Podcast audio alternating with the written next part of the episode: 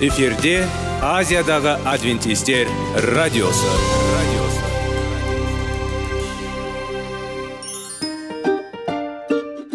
Сәлем достар. Денсаулық өмір бұлағы және біздің бірінші байлығымыз демекші денсаулық сағаты рубрикасына қош келдіңіздер. Бір кісінің ауырғанын айтқысы келмесе де ол онсыз да көрініп түсінікті болады. Өйткені ауырғанда жанымыз қиналғаны кейде соншалық сол үшін дәрі алуға қарағанда мұның бәрін алдын ала алу жақсы емес пе? Біздің рубрикада біз әртүрлі факторларменен мәліметтерменен кеңестерменен бөлісіп шын жүректен сіздердің дендеріңіз сау болғанын қалаймыз. Сол үшін біздің рубрикаға қош келдіңіздер. Дайындалып тұрыңыздар. Өйткені келесі минуттарда қызықты фактілерге ие боласыздар.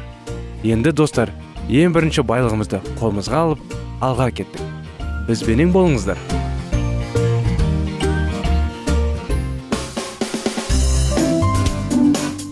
Денсаулық туралы хабар. Денсаулықтың ашылуы. Күн сайын сөз үшін күшті кеңестер соңғы жаңалықтар қызықты факторлар біздің рубрикада.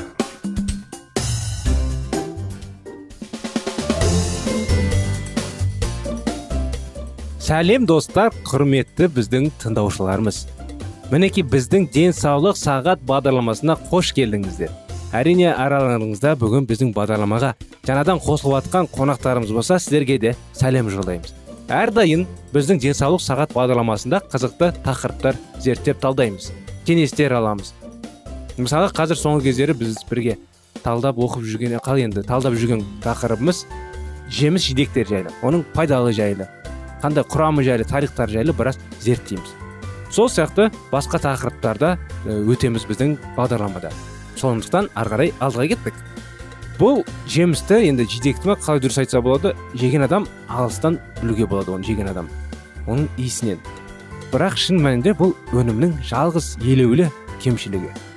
Қандай жаңағы қалай айтса болады қалайдай өнім екенін түсініп отқан шығарсыздар. Ал қалған бір тұтас артықшылықтар. Сіз бүгін біз чеснок туралы сөйлесеміз деп ойлайтыныңыз мүмкін иә? Әрқайсыңыз бұны әрқайсыңыз ә, білдіңіз деп ә, ойлап таптыңыз деп үміттенеміз. Өйткені жаңағы иісіне иісі жайлы айтқан кезде сіздер сразу түсінді деп ойлаймыз. Сондықтан енді қалай енді чесноктың қазақшасы енді сарымсақ дейді екен кей адамдар бірақ пиязды да сарымсақ дейді. Әр жерде әрқалай.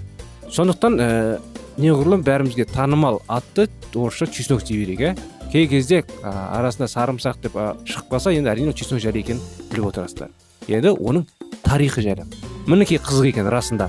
Әрдайым оны жаңағы базардан аламыз жейміз қолданамыз пайдалы екенін білеміз. Бірақ бүгін тағы оның керемет тағы қосымша пайдалы, пайдалы жайлы қасиеттер жайлы айтамыз. Бірақ енді тарих жайлы не десек болады?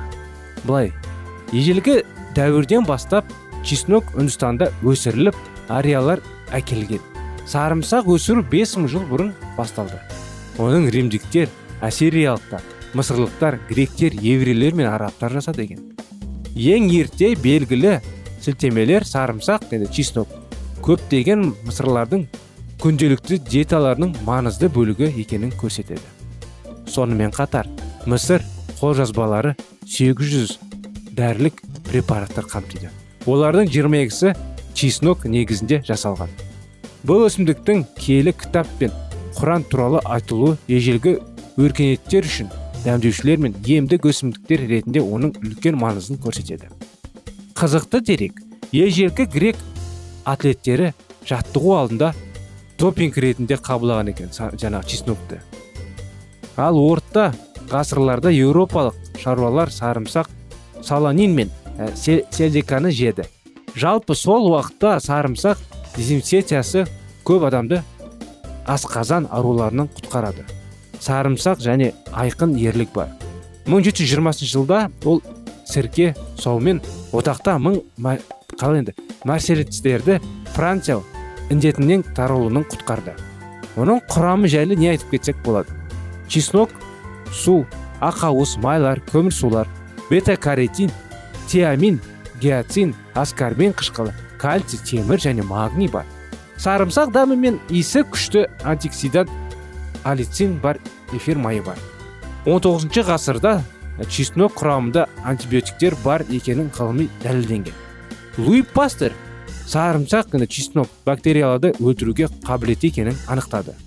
Жаңа піскен чеснок ішек таяқшасына алтын стафилококқа салмон қалай енді? Сальмонеллаға және кандида саңырқауларына қарсы белсенділікке ие. Сонымен қатар кейбір зерттеулерге сәйкес сарымсақ вирусқа қарсы әсерге ие. Атап айтқанда белгілі бір дәрежеде тұмаудың алдын алуға көмектеседі. Чеснок холестеринді артериялық қысымды төмендеуге қабілетті.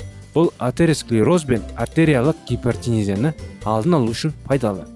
Оның пайдалы қасиеттері чеснок шырыны құрамында безгекке қарсы фунгицидке қарсы саңырауқұлаққа қарсы қабынуға қарсы вирусқа қарсы және қабынуға қарсы әсер ететін биологиялық белсенді заттар бар. Чеснок бактериялардың өсуін жоятын немесе бастын фитоцинттер бар. Медицинада сарымсақ және чеснок баданасының препараттары ә, чеснок тұнбалары және ағзаның суық және жұқпалы ауруларының қарсы тұрғанын арттыру үшін спиртті сору қолданылады. Тұтыну. Сарымсақ дәмі арқасында бүкіл әлемде дәмдеуіш ретінде кеңінен қолданылады. Сарымсақ жаңағы енді қалай тұздатады екен да тұз маринадталған бұқтырылған. Жаз өсімдіктің дәмді және құрылған жапырақтары. Тұздық ретінде кептірілген сарымсақ қолданылады. Бірақ жерорта теңізінің солтүстік сарымсақ зәйтүн майы және жұмыртқа сарсы қоспасы бар. Айоли тұздығы өте танымал. Жаңа және консервілген түрде сарымсақ кулинарияда қолданылады. Пияз жаңа дәні бөліктері егіс материалы ретінде пайдаланылады. Тамаққа шикі немесе дәмдеуіш ретінде пайдаланған жүйінде қолданылады. Жапырақтары жеуге жарамды және негізінен жас өсімдіктерге қолданылады. Кішігірім енді қалсын кейбір адамдар енді әрине біреумен ұрысып қалғысы ұрысып қалған кезде е, болмаса біреумен қалай енді өкпелетіп кей кезде енді адамдар бір біріне қол жұмсайтын әдеттер бар ғой енді ашуланған кезде. Сол кезде бір біреу сізге тиіспеу үшін сарымсақты жегенде өте пайдалы қалай енді пайда қасиеті береді дейді да көмегі. Өйткені оны иісін көрген адам әрине сізден алыс кетеді біздің бағдарламаның таңдағы сон сіз чеснокты қолдасаңыз антибиотиктер мен басқа да дәрі дәрмектерге сізге жүгіндеудің қажеті жоқ екенін түсінесіз сіздерге тағы бір кеңес әрине орысша айтқанда показания противопоказания деген бар енді болатын болмауы сондықтан егерде асқараңызда қатты ауыратын болса егерде оны әрине кейбір адамдар біледі өздері ашты қатты жеуге болса чеснок жеуге болмаса онда жемей қойыңыздар бірақ асқазан бәрі дұрыс болса емделу болса оны жегенге абайлап жеңіз аз мәнінде жеңіздер. Оны маймен майдалап турап нан бетіне жақса май ретінде өте дәмді болады. Сонымен аман сау болыңыздар құрметті достар. Бағдарламамыз аяғына келді. Сау саламатты болыңыздар.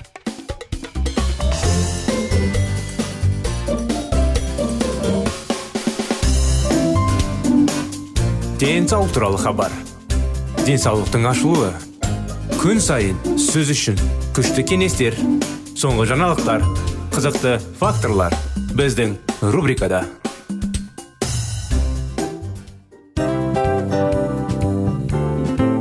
Әуелі байлық денсаулық екінші байлық он саулық үшінші байлық ақ жаулық. Ал енді осындай радио парақшадан кейін не дейміз? Барлықтарыңызға денсаулықтарыңыз зор болсын деп тілейміз.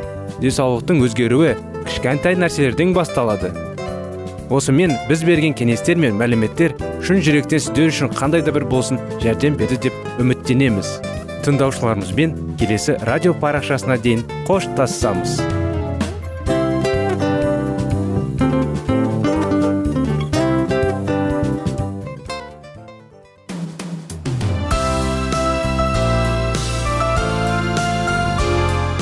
эфирде азиядағы адвентистер радиосы.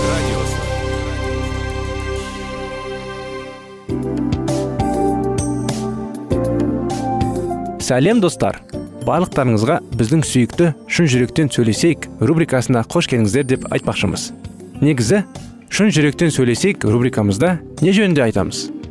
Шын жүректен сөйлесек бағдарламасы әртүрлі қызықты тақырыптарға арналған. Махаббат деген биік тас оған ешкім жете алмас жетеді оған екі жас дегендей. Шындығында шын жүректен сөйлесек деген сөздің мағынасы екі достың екі адамның екі жастың арасындағы шын жүрекпен сөйлесуі бір біріне сенуі ашықтық пен шындықты білдіреді. Сол үшін біздің бағдарламаларды үзбей бізбен бірге болып тұрыңыздар. Әртүрлі қызықты тақырыптарды сіздер үшін арнап дайындағанбыз. Дайындалыңыз жаңа қызықты мәліметтерге ие болуға. Ондай болса кеттік.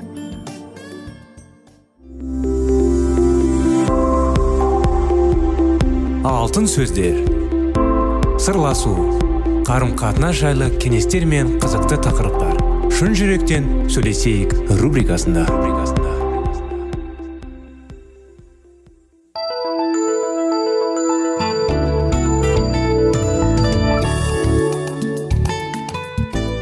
Сәлеметсіздер ме? Құрметті біздің тыңдаушыларымыз құрметті біздің достарымыз мінекей шын жүректен сөйлесейік бағдарламасына қош келдіңіздер. Біздің бағдарламада әрдайым қызықты тақырыптар жаңағы қарым қатынастар расында да бір бірімізбен шын жүректен сөйлесетін жайлы тақырыптар әңгімелесеміз. Адамдар мен адамдардың дос пен достың бала мен ата ананың қарым қатынасы жайлы күйеу мен әйелі жайлы және де адам мен құдайдың арасындағы қарым қатынас жайлы.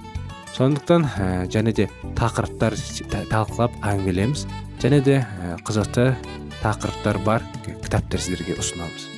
Сондықтан қазіргі уақытта сіздермен талдап әңгімелеп жүрген сіздерге жеткізіп жүрген кітабымыз шектеулер жайлы. Естеріңізде болса шерри жайлы. Енді жалғасында былай.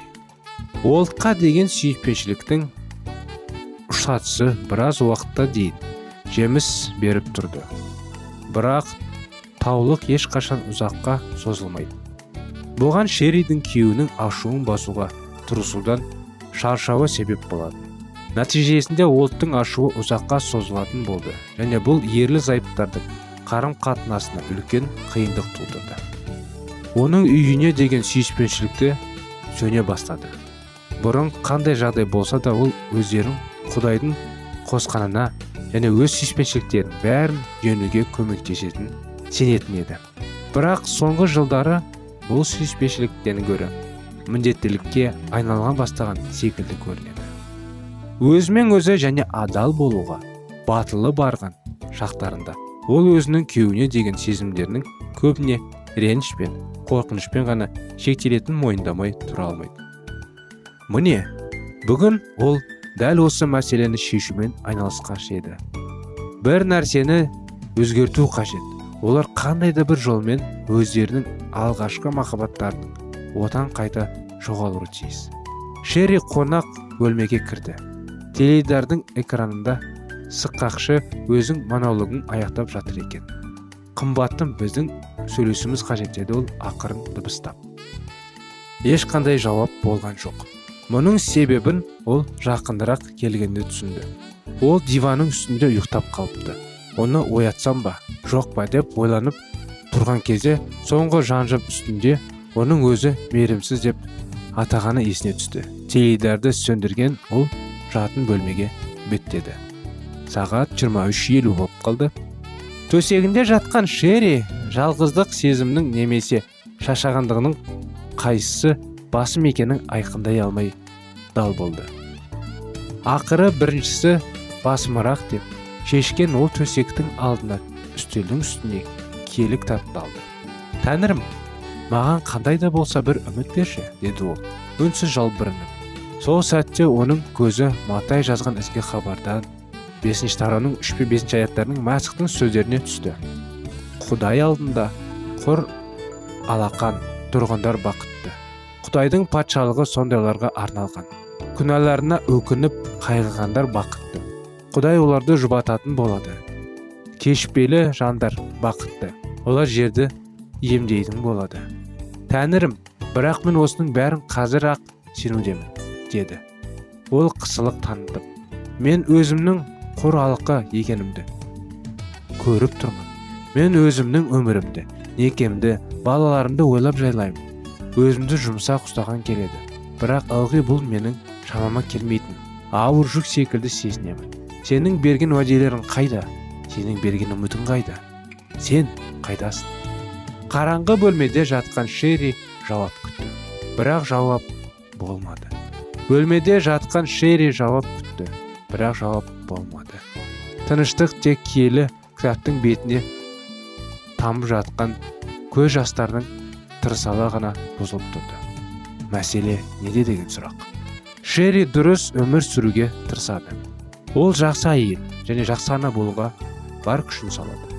Ол адал еңбек етеді адамдарға көмектеседі және құдайды сүйеді. Бірақ соған қарамастан оның өмірінде бір нәрсе дұрыс емес. Өмір оны қуантпайды. Шерри қатты азап шегіп жүр. Әйел болсын еркек болсын.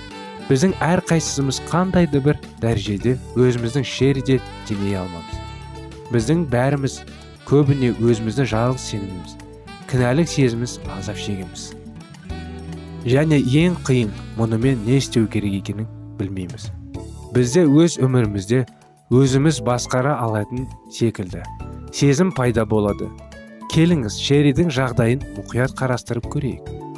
Оның өміріндегі бір нәрсенің таң қаларлық дәрежесінде сіздің өміріңізде ұқсас болып шығуы мүмкін. Оның қиындықтарын түсінудің сіздің өз қиындықтарыңызды шешуге көмектесуі мүмкін. Шерри солардың көмегімен мәселені шешпек болған. Бірақ көмектеспеген бірнеше тәсіл бірден көзге ұрады. Біріншіден қосымша күштер көмектеспейді. Табысқа жетуге тырысып шерри көп күш жасайды. Екіншіден қорқыныштан келісу де табыс әкелмейді. Ол көмектескен адамдардың оған өзі аңсаған жақындықты сыйлағандары көрінбейді. Үшіншіден өзгелер үшін жауапкершілікті мойнына алғаннан да пайдасы жоқ. Шерри өзгелерді жұбату мен оларға көмектесуде үлкен жиікке жетті биікке жетті. Сонымен бірге оның өмірі өзіне мүлде сәтсіз болып көрінеді.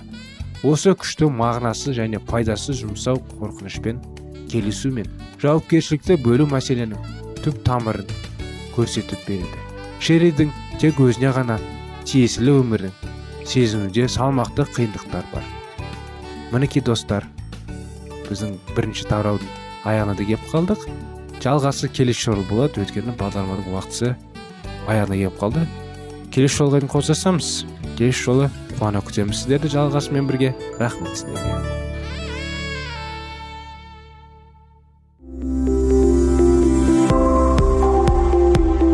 Алтын сөздер. Сырласу. Қарым қатынас жайлы кеңестер мен қызықты тақырыптар. Шын жүректен сөйлесейік рубрикасында.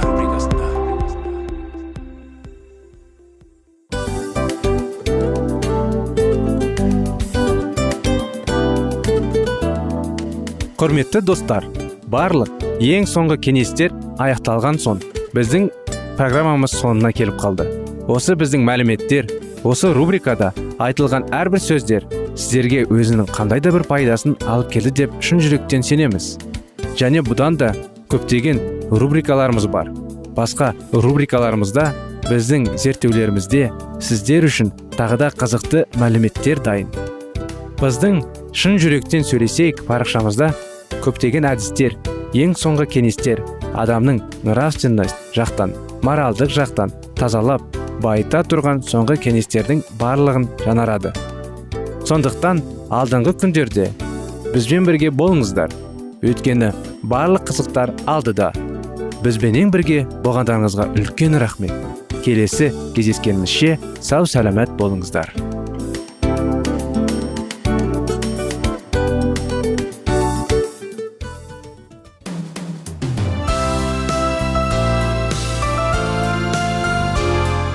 Эфирде азиядағы адвентистер радиосы.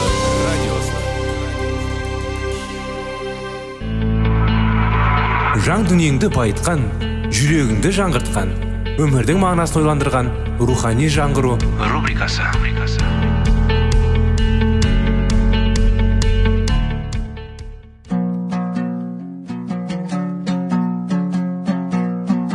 Ассалаумағалейкум біздің тыңдаушыларымыз. Келі кітаптың шындығын ашып берген қысқа бағдарламасына қош келдіңіздер. Барлығынан жоғары жаратушы біздің қарыңғылықта жалғыз қалдырып қойған емес. Өйткені ол келешекте не болу керек екенін киелі кітаптың парақтарында ашып береді. Немесе келіңіздер бізге қосылыңыздар. Жаратушы бізге нен ашып бергенін зерттейміз.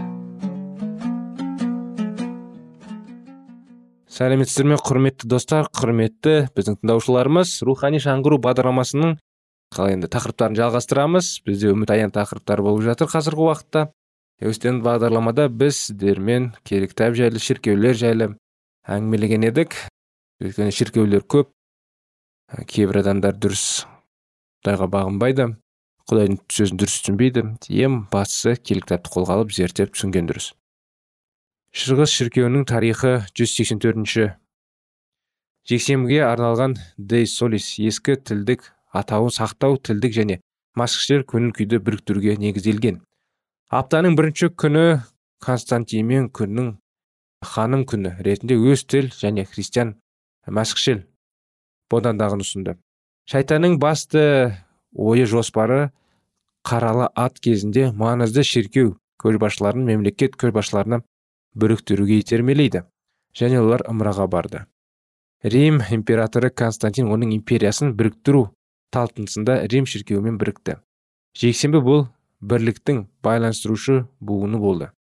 177 бет, бетінде доктриналардың катехезис үшінші американдық басылым қасиетті стефан кинан сұрақ жауап түрінде жазылған катехезис католик авторы былай деп жазған сұрақ.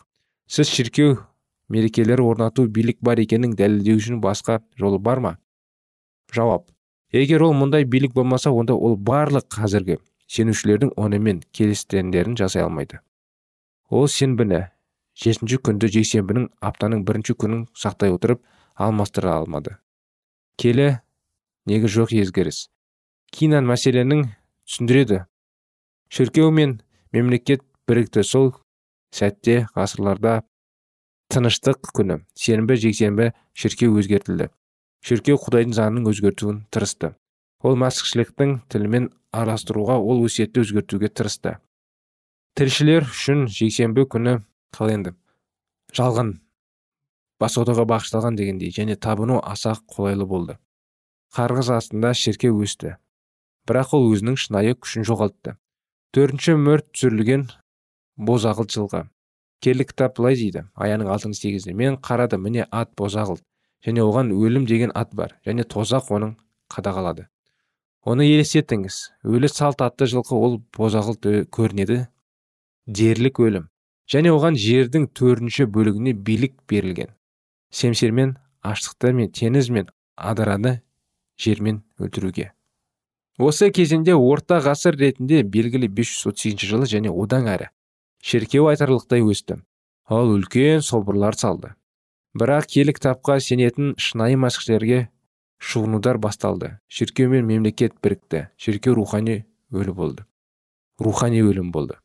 Бұл ғажайып мәлімдеме. Шіркеу тарихы екінші ғасырда екінші бөлім жетінші бөлімнің христиан мәсіхшіл рим империясының мемлекеттік дініне айналды және тілдік орын алды. Орта ғасырда ол крещендік тіл деп атауға болатын мәсіхшілдік сіз себептің күнің тіл құдай күніне ауыстырсыз және су рәсімін тілін аласыз. Төртіншімен қайтыс болған сенім. Ақ жылқы таза сенім. Қызыл жылқы сенім. Қанмен қуырылған қарға жылқы ол ымыраған барды. Бозғыр жылқы ол өлі сенім. Аян кітабының төрт салт атты.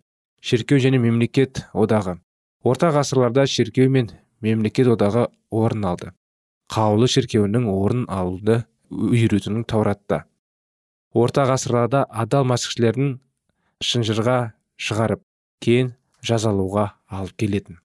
Расында да кей сол кездерде негізі қалай болады достар? Біреу сізге шындықты ашатын болса ол сізге ұнамайтын болса әрине сіз оған қалай енді? Ұнатпай қаласыз ғой. Біреу біреуге шындықты айтып көзін ашатын болса үйрететін болса ол оған оны түсіне отырып бірақ ол ұнамайтын болғандықтан оны жек көріп кетеді. Сондай жағдай кезінде болған. Нағыз машықшілік кезінде машықшілерді қудалаған кезде қулап жүрген кезде олар басқа адамдарға шындық айтқан кезде басқа адамдарға шындық айтқан кезде олар енді өзінің өмір салтына жаңағы шындық сәйкес келмейді ғой. Шындық оларға сәйкес келмейді. Қайта олар шындыққа сәйкес келмеу үшін сондай қалай диалема болып отыр да бір қызық ә, әңгіме да қазір достар. Соны түсінуге тырысып көрейік. Біреу сізге жаңағы қателіктеріңізді айтқан кезде әрине сіз сол қателіктерге сіз сәйкес келмейсіз ғой. Сол кезде өзіңізді жақсы түсінетін адам болсаңыз өзгертіп критиканы қабылдап дұрыс жолмен жүріп дұрыс сөздер сөйлеп мысалы ше дұрыс адам болуға тырысасыз ғой. Ал ол кездегілер қайта ол шындықты бізге сәйкес келмейді деп ол адамдарды қырып жойып қуалайтын мәсіхшілерді осы кезінде мұраға қадамдар шіркеу құлдаруға келді. Беру адами орнын алды құдайдың сөздері. Эпидемия иса мәсіхтің рақымы орын алды. Индульгенция енгізілді яғни сіз ақша төлеп тозақ пен жұмақ арасындағы болжамды орынға кіре аласыз. Шіркеу бұл идеяны дамытты сол уақыттарда. Суреттер мен жаңағы жалған құдайлар шіркеуге көптеген ымыралар кірді. Мінекей достар ол уақытта да емес. Алдыңғы ғасырларда да емес. Қазіргі уақытта да көптеген сондай жалған сенімдер болып жатыр жалған адамдар кейбір адамдар өзінің өмірін құтқару үшін өзінің жағдайын жақсарту үшін ақша береді. Жаңағы кейбір құдайдың адамын адамын деген адамдарға ақша беріп оның сиынғаны үшін ақша беріп мен құтқарылу үшін ақша беріп бақытты болу үшін ақша беріп құдайдың алдында олар бір ауыз сөз айтып мінәжат етсін деп сиынсын деп. Әрине біреу біреу үшін құдайдың алдында құтқара алмайды ешкімді. Тек қана иса мәсіх құдайдың алдында бізді қан төгіп құтқарған еді құрметті тыңдаушылар ал біреуді басқа біреу бізді ешкім құтқара алмайды біз өз өзімізді. Исаға бағыштап оның жолымен жүріп оның сөзін тыңдап өзімізді күнәһар екенімізді мойындасақ сол кезде ғана құтқарыламыз. Ал ешқандай ақша ештеңке ештеңке бізге көмектесе алмайды. Сондықтан соны түсінейік достар. Ең дұрысы құдаймен тығыз қатынаста болып киелі кітапты зерттеп құдайға сиынып құдайдың жолымен тура жүруге тырысу керек. Міне өкінішке орай құрметті тыңдаушылар уақытымыз аяғына келіп қалыпты жалғасын келесі жолы жалғастырамыз. Келесі жолға дейін сау саламатта болыңыздар. Рахмет бізбен болғандарыңызға.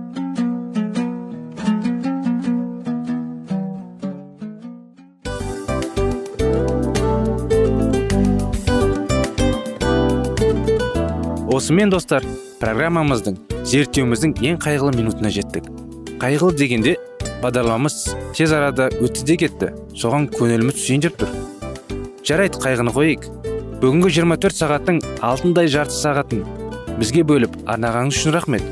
Егер де өткен сфераларда пайдалы кеңес алған болсаңыз біз өзіміздің мақсатымызға жеткеніміз. Тыңдаушыларымызбен қоштасу уақыты келді. Келесі кездесулерді сағынышпен күтеміз. Жарты сағатты кездесуіміз көз ашып шапқанша дем арасында өтіп кетті. Бірақ бізде жақсы хабар бар. Келесі зерттеулерімізде сөзсіз кездесеміз. Өйткені көптеген сюрприздер қызықты мәліметтерді және керекті нәрселерді көбін дайындадық. Бүгінгі күндеріңіз өзгеше позитивті болсын. Жақындарыңыз аман есен болсын деп тілейміз. Жаратқан ие барлықтарыңызға батасын берсін. Істеген істеріңіз игілікті болсын. Келесі кездескенше сау саламат болыңыздар.